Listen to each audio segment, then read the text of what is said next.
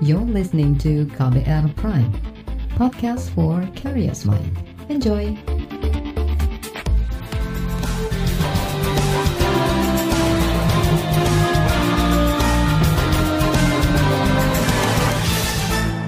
Halo selamat sore saudara, apa kabar Anda sore hari ini? Kembali saya Reski Mesanto hadir di KBR Sore, hari ini tanggal 25 November 2022. Saudara, hari ini merupakan Hari Guru Nasional. Peringatan Hari Guru Nasional ini menjadi momentum pemerintah, terutama Kementerian Pendidikan dan Kebudayaan menyelesaikan sejumlah persoalan yang masih membayangi permasalahan guru di Indonesia. Permasalahan itu mulai dari kesejahteraan, nasib tenaga honorer guru, hingga seleksi guru pegawai pemerintah dengan perjanjian kerja atau P3K yang belum juga diselesaikan pemerintah. Lantas, apa saja catatan terkait persoalan guru di tanah air? Apakah pemerintah mampu menyelesaikan permasalahan terkait guru saat peringatan Hari Guru Nasional hari ini? Apa pula harapan guru-guru termasuk P3K dan honorer di peringatan Hari Guru Nasional kali ini? Kita bahas selengkapnya di KBR sore.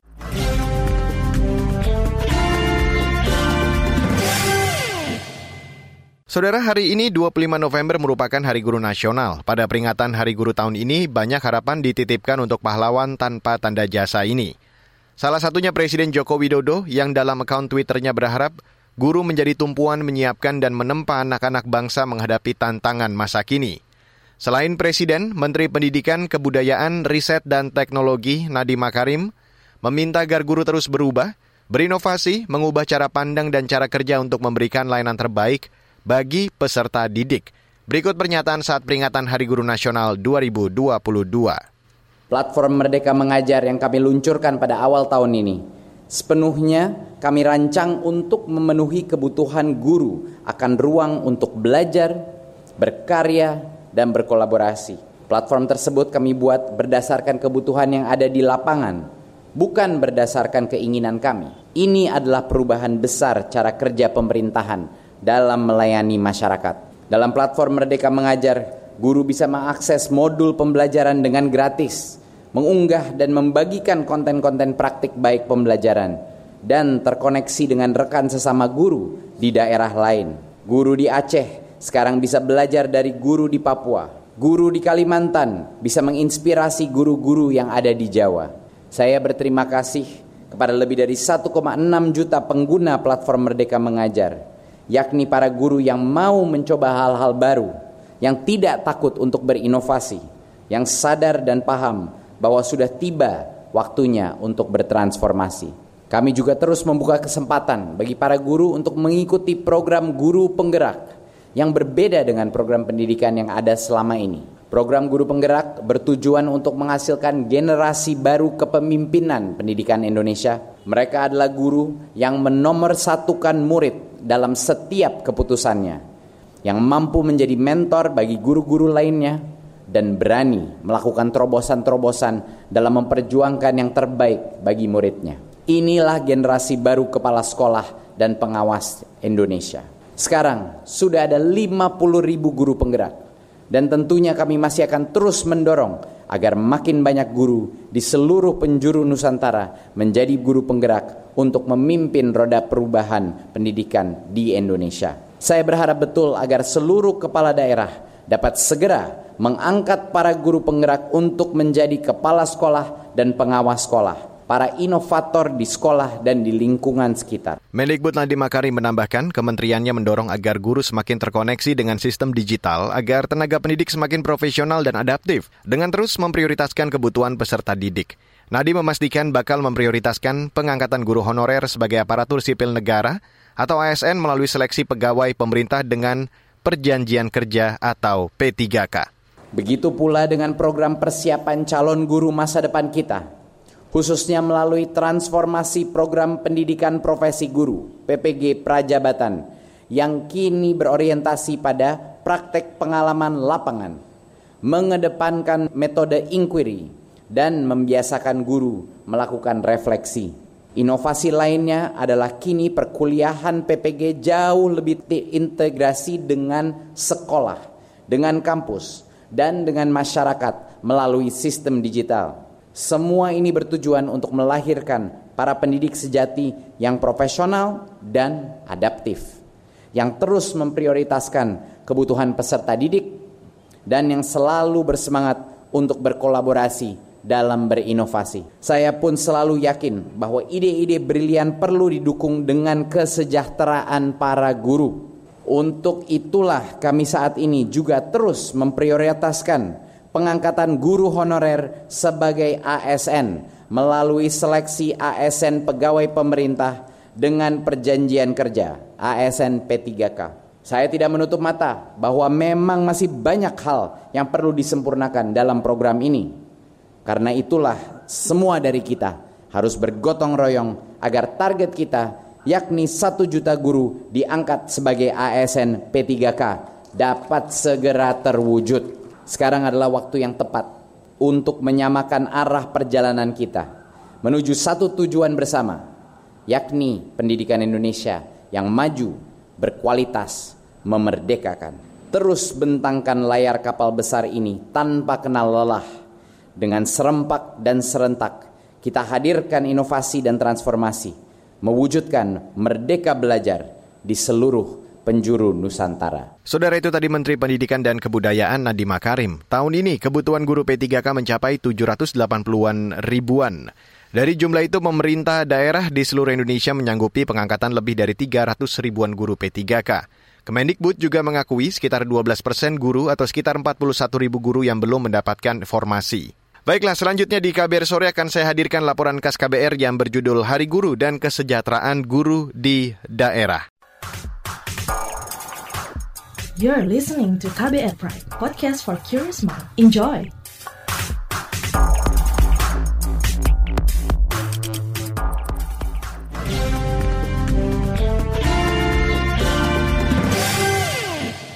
Saudara Menteri Pendidikan Nadiem Makarim berjanji bakal memprioritaskan pengangkatan guru honorer sebagai aparatur sipil negara atau ASN melalui seleksi pegawai pemerintah dengan perjanjian kerja atau P3K.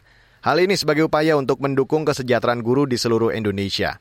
Bagaimana sebenarnya kondisi para pahlawan tanpa tanda jasa di daerah? Berikut saya hadirkan laporan khas KBR yang disusun Astri Yuwanasari. Untuk pendidikan guru ini kita memang sangat miris sekarang akhir-akhir ini. Hmm. Ada beberapa teman itu juga hampir mau satu tahun itu belum terima gaji. Itu tadi Elfridus, guru di SMK Negeri 7 ND Nusa Tenggara Timur. Frit yang pernah lima tahun menjadi honorer dengan SK Komite Sekolah masih merasakan sulitnya hidup sebagai guru honorer. Ia pernah tidak mendapat honor mengajar selama enam bulan, apalagi saat pandemi COVID-19. Bapak satu anak ini bahkan pernah menggantungkan hidup hanya dari hasil berkebun. Saat ini, Frit termasuk beruntung. Ia lolos seleksi menjadi pegawai pemerintah dengan perjanjian kerja atau P3K dan sudah menerima SK sejak Juni lalu. Di sekolah tempat Frit mengajar ada 26 orang guru. Dari jumlah itu, hanya ada dua orang berstatus PNS, yakni kepala sekolah dan bendahara sekolah. Lainnya, tiga orang guru berstatus P3K, termasuk tiga guru honorer dari dinas, dan sisanya adalah guru-guru honorer dengan SK Komite Sekolah. Saat ini, Fritz sudah merasa cukup dengan pendapatannya setelah berstatus sebagai guru P3K. Namun, ada satu hal yang masih menjadi permasalahan sebagai guru yang mengajar di daerah 3T seperti dirinya. Memang untuk P3K ini memang untuk saya sendiri itu, itu memang tidak begitu nyaman karena apa namanya kita dituntut untuk apa peningkatan kapasitas guru. Di situ mungkin kita kalau kemarin kan berteriak tentang kesejahteraan, tapi sekarang itu lebih kepada peningkatan guru itu. Frit mengeluh minimnya fasilitas baik dari sekolah, dinas ataupun pemerintah setempat yang bisa mendukung peningkatan kompetensi guru. Guru mata pelajaran pertanian ini bahkan mengaku masih sulit mencari informasi program-program peningkatan kompetensi guru yang tersedia. Tidak memberatkan juga hanya apa namanya untuk dari pemerintah itu punya keterbatasan anggaran atau apa untuk peningkatan kompetensi guru itu.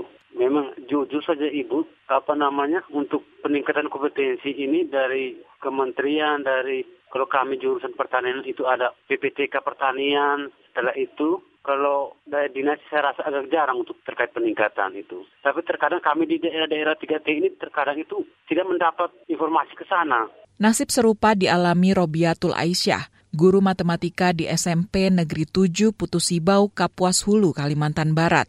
Aisyah sudah mengabdi selama enam tahun sebagai guru honorer dengan SK Komite Sekolah. Ibu satu anak ini mendapatkan honornya bergantung jumlah jam mengajar. Untuk guru, guru honorer khusus terkhususnya saya untuk per satu jam mata pelajaran itu itu dibayar empat puluh ribu. Tapi itu kan dikalikan dengan banyaknya jam pelajaran yang kita ambil berapa kan. Hmm. Kalau untuk jam saya kebetulan uh, honorer kemarin untuk matematika ada guru yang masuk lagi.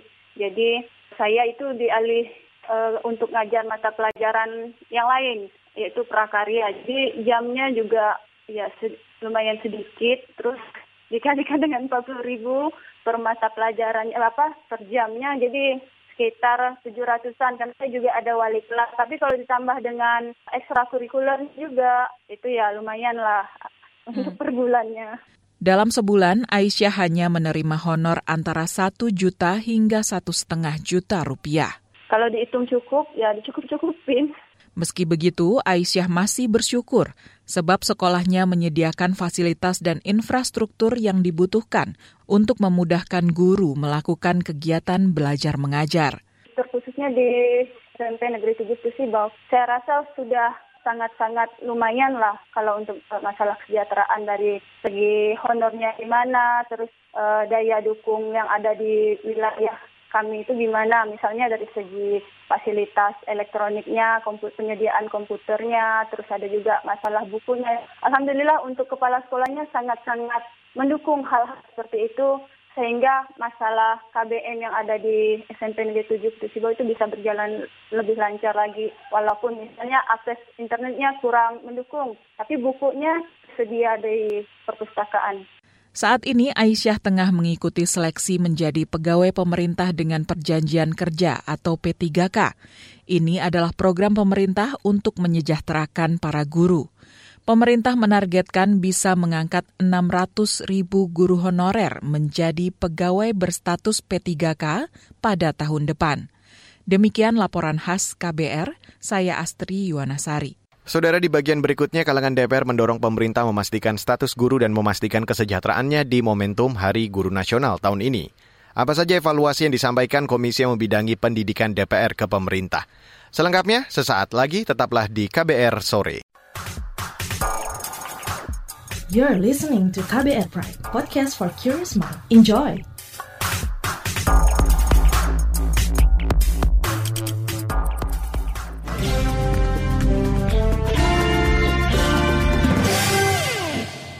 Ya, kita lanjutkan kembali KBR sore. Saudara Komisi yang membidangi pendidikan di DPR mendorong pemerintah menjadikan momentum Hari Guru Nasional setiap 25 November untuk memastikan status guru dan kesejahteraannya. DPR juga berharap seleksi guru lewat pegawai pemerintah dengan perjanjian kerja atau P3K menjadikan guru lebih sejahtera meskipun nyatanya masih bermasalah. Selengkapnya saya hadirkan perbincangan jurnalis KBR Astri Septiani dengan Wakil Ketua Komisi yang membidangi pendidikan di DPR Abdul Fikri Fakih. Hari ini bertepatan dengan Hari Guru Nasional, Pak. Lalu apa catatan dan mungkin harapan dari DPR begitu terkait masalah kesejahteraan guru di Indonesia? Nah, kalau guru ini tidak diperhatikan dari sisi statusnya, dari sisi kesejahteraannya, dari sisi jaminan sosialnya dan sebagainya, bagaimana kemudian bicara tentang mutu guru, mutu pendidikan dan sebagainya? Saya kira tidak mungkin. Oleh karenanya di Hari Guru Nasional, fokuslah kita membangun profil guru yang ideal, kemudian menambah jumlah, kemudian mendistribusikan sehingga merata Indonesia ini dari Sabang sampai Merauke, tidak hanya kota-kota besar, Jakarta, Bandung, Medan, Surabaya, itu saja tidak, tetapi dari Sabang sampai Merauke, dari Aceh sampai Papua, semuanya. Nah ini sekali lagi momentum Hari Guru Nasional ini membenahi guru dari status. Statusnya jelas dulu ini jelas. Kalau di sekolah negeri apa ya sih? Sekolah negeri kok bergantung kepada guru honorer saya kira ini tidak layak. Sekolah negeri ya mestinya oleh pegawai negeri atau kalau sekarang pegawai dengan perjanjian kontrak karena kondisi keuangan negara dan seterusnya dan seterusnya apa pun namanya aparatur sipil negara itulah yang mestinya mengisi lembaga-lembaga negeri. Pak, saat ini masih banyak keluhan dari guru-guru terkait seleksi P3K yang dinilai bermasalah begitu. Bagaimana catatan dari DPR terkait proses seleksi ini? Jadi seleksi P3K ini kenapa? Kenapa kok ada kisruh seperti itu? Kenapa ada ada form? Kan nggak salah yang tes dong. Orang sudah tes, kemudian sudah persiapan, diterima, lantas kok tidak ada formasinya. Siapa yang kan bukan salah yang tes. Kalau mereka menuntut ya wajar dong. Orang orang ada peluang, ada formasi satu dua tiga, yang daftar lima, yang diterima tiga, yang dua akan legowo karena nggak nggak lolos. Nah sekarang uh, dibutuhkan satu juta, yang daftar sembilan ratus, ini kan lima ratus delapan puluh enam. Itu lulus. Tetapi dua ratus sembilan puluh tiga ribu ada formasi, seratus sembilan puluh tiga ribu tidak ada formasi. Ini kenapa? Karena daerah ada yang menghitung dengan analisa keuangan daerahnya dan dengan DAU dan uh, PBD yang ada tidak cukup. Sehingga kebutuhan 6 ribu cuma mengajukan 500 misalnya. Ini kemudian setelah didesak ternyata Kementerian Keuangan sudah mengalokasikan untuk semua. Bahkan untuk satu juta itu sudah cukup semua. Bagaimana kemudian saran dan juga dorongan DPR kepada pemerintah untuk mengatasi masalah-masalah ini? Ini perdebatan yang tidak pernah selesai dan makanya Komisi 10 mengusulkan ada penelusuran lebih serius, ada pansus, pansus tentang, tentang uh, rekrutmen P3K ini. Dan alah, supaya membuat rekomendasi yang nanti tidak boleh dilakukan lagi oleh pemerintah. Jangan sampai jangan sampai rekrutmen ASN seperti sekarang lagi gitu loh sekali lagi mestinya koordinasi dan koordinasi ini bisa terjadi ketika antar kementerian dan kementerian yang menguasai dan memberikan punishment and reward itu bisa adalah Kementerian Dalam Negeri karena semua APBD juga dievaluasi kalau kabupaten kota oleh provinsi, provinsi oleh Kementerian Dalam Negeri. Saudara itu tadi Wakil Ketua Komisi Pendidikan DPR dari fraksi Partai Keadilan Sejahtera Abdul Fikri Fakih. Dan selanjutnya, Perhimpunan Pendidikan dan Guru atau P2G memberikan sejumlah catatan kritis saat peringatan Hari Guru Nasional yang diperingati setiap 25 November. Apa saja catatan P2G untuk pemerintah? Selengkapnya sesaat lagi. You're listening to KBR Pride, podcast for curious mind. Enjoy!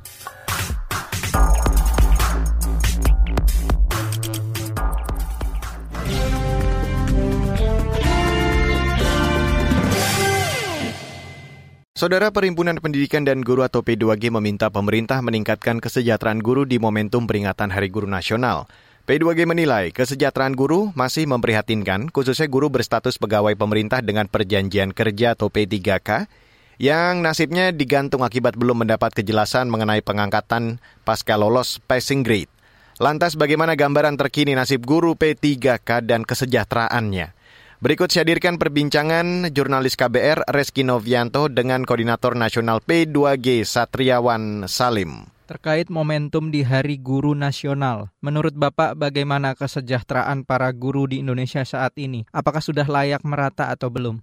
Ya, terima kasih. Yang pertama kami dari Perhimpunan Pendidikan Guru atau P2G mengucapkan Selamat Hari Guru Nasional tahun 2022. Dalam refleksi kami gitu ya, berbicara tentang kesejahteraan guru, memang ini menjadi isu ya, persoalan di tiap tahun gitu. Nah, ini menandakan bahwa ya memang guru belum sejahtera kan. Nah, apalagi spesifik kita berbicara guru honorer. Nah, memang pemerintah dua tahun lalu kan menjanjikan dalam hal ini Mendikbudristek, kemudian Menpan RB yang dulu ya, mengatakan akan mengangkat guru-guru honorer ini untuk menjadi ASN P3K ya, sebanyak satu juta orang. Tapi kenyataannya kan proses rekrutmen guru honorer menjadi P3K ini kan tidak berjalan mulus ya. Sudah sampai 2022 ini proses seleksi guru P3K itu baru sanggup memenuhi sekitar sekitar 293 ribu formasi ya. Padahal pemerintah menyediakan satu juta lebih gitu. Nah, kenapa itu terjadi? Karena koordinasi dan disharmoni gitu ya antara pemerintah pusat dengan pemerintah daerah. Kita tahu saat ini masih ada guru P3K yang nasibnya terkatung-katung karena belum adanya SK pengangkatan bahkan pemilihan formasi di daerah. Menurut Bapak apa yang harus dilakukan pemerintah? Ada lagi 293 ribu kan sudah diangkat, sudah dapat SK. Meskipun ada beberapa daerah tadi yang mereka tidak kunjung digaji kan, tapi ada lagi data 193 ribu yang mereka sudah lolos tes juga, lolos tes P3K ya tahun 2021, tapi tidak mendapatkan slot tidak mendapatkan formasi dari Pemda masing-masing. Nah, padahal mereka sudah menunggu juga belasan tahun ya ikut tes. Nah, ya walaupun kami berterima kasih juga kepada pemerintah pusat, Pansel yang memberikan afirmasi ya bagi guru-guru honorer untuk menjadi P3K. Nah, yang 193 ribu ini lolos tes tahun lalu, mas sampai sekarang nasibnya lebih nggak jelas lagi, digantung mas. Nah, kenapa? Mereka sudah lolos tes tapi belum kunjung mendapatkan informasi dari daerah boro-boro SK formasi aja belum, tapi sudah ikut tes. Nah, di sisi lain mereka yang asalnya dari guru swasta sudah banyak yang dipecat oleh yayasan karena mereka dianggap sudah menjadi ASN kan, sudah lolos tes gitu ya. Proses rekrutmennya, manajemennya kan karut marut ini. Menurut Bapak, apa saja kendala yang menyebabkan percepatan pengangkatan guru lolos passing grade P3K yang tak juga diangkat? Adakah saran dan solusi dari Bapak terkait hal tersebut? Nah, apa kendalanya, tantangannya gitu? Satu ya, ini terkait anggaran. Nah, jadi memang belum ada kesepahaman gitu ya yang utuh, kesaling pahaman yang utuh termasuk harmonisasi regulasi antara pemerintah pusat dengan Pemda. Yang mengajukan formasi guru P3K ini kan Pemda, Mas. Nah, penyelenggaranya kan Pansel. Pansel itu kan banyak, ada Kemdikbud terlibat ya. Dalam hal ini ada Kementerian Agama, ada BKN ya, ada Kemenpan RB. Nah, yang berkaitan juga ada Kementerian Keuangan terkait anggaran gitu, termasuk Kementerian Dalam Negeri. Jadi alasan daerah-daerah tidak mengajukan formasi P3K sesuai dengan kebutuhan real mereka karena masalah anggaran. Daerah-daerah tidak menganggarkan mas ya gaji dan tunjangan P3K ini. Nah, sementara itu Kementerian Keuangan ya, pemerintah pusat ya, Kemdikbud dan seterusnya Kemenak mengatakan bahwa mereka pemerintah pusat sudah melakukan transfer ke daerah melalui skema DAU, dana alokasi umum dengan bentuk earmarking ya. Hmm. Sudah di earmark, earmark itu artinya sudah ditandain gitu loh mas, nggak boleh dipakai yang lain kecuali untuk gaji uh, tunjangan guru P P3K. Tapi herannya kami, daerah-daerah kok tidak mengajukan formasi. Daerah itu mas hanya mengajukan formasi sekitar 40,9 persen kalau tidak salah. Ya jelas nggak akan menutupi kekurangan guru ASN. Kemudian apakah harapan Bapak pada pemerintah terkait kesejahteraan guru P3K? Kami ini tidak hanya suara P2G ya, tapi saya rasa suara hampir semua organisasi profesi guru ya, ada PGRI gitu ya, ada forum-forum guru honorer. Saya sampai tadi siang masih berkomunikasi dengan dua forum organisasi guru honorer ya, tolong disuarakan gitu nasib mereka gitu kan. Ah, di P2G sendiri cukup banyak anggota kami yang ikut seleksi P3K dan terombang ambing tadi. Kami meminta sekarang jangan sampai gara-gara antara pusat dengan daerah ini koordinasinya tidak optimal gitu ya buruk. Nah kami yang menjadi korban guru-guru. Kami berharap pertama ya harus duduk bersama bisa difasilitasi oleh Kemenko PMK Pak Muhajir Effendi kan juga dulu pernah menjadi Menteri Pendidikan. Jadi duduklah itu Kementerian Pendidikan, Kementerian Agama, Kemenpan RB ya, Kementerian Keuangan, BKN dan seterusnya dengan Pemda-Pemda. Nah bahkan kami juga berharap Pak Presiden bisa untuk turun tangan menuntaskan persoalan guru ya khususnya karut marut seleksi manajemen guru P3K ini. Iya saudara itu dia Koordinator Nasional P2G Satriawan Salim. Dan perbincangan ini sekaligus menutup kabar sore untuk hari ini. Terima kasih untuk Anda yang sudah bergabung sore hari ini. Saya Reski Mesanto undur diri. Salam.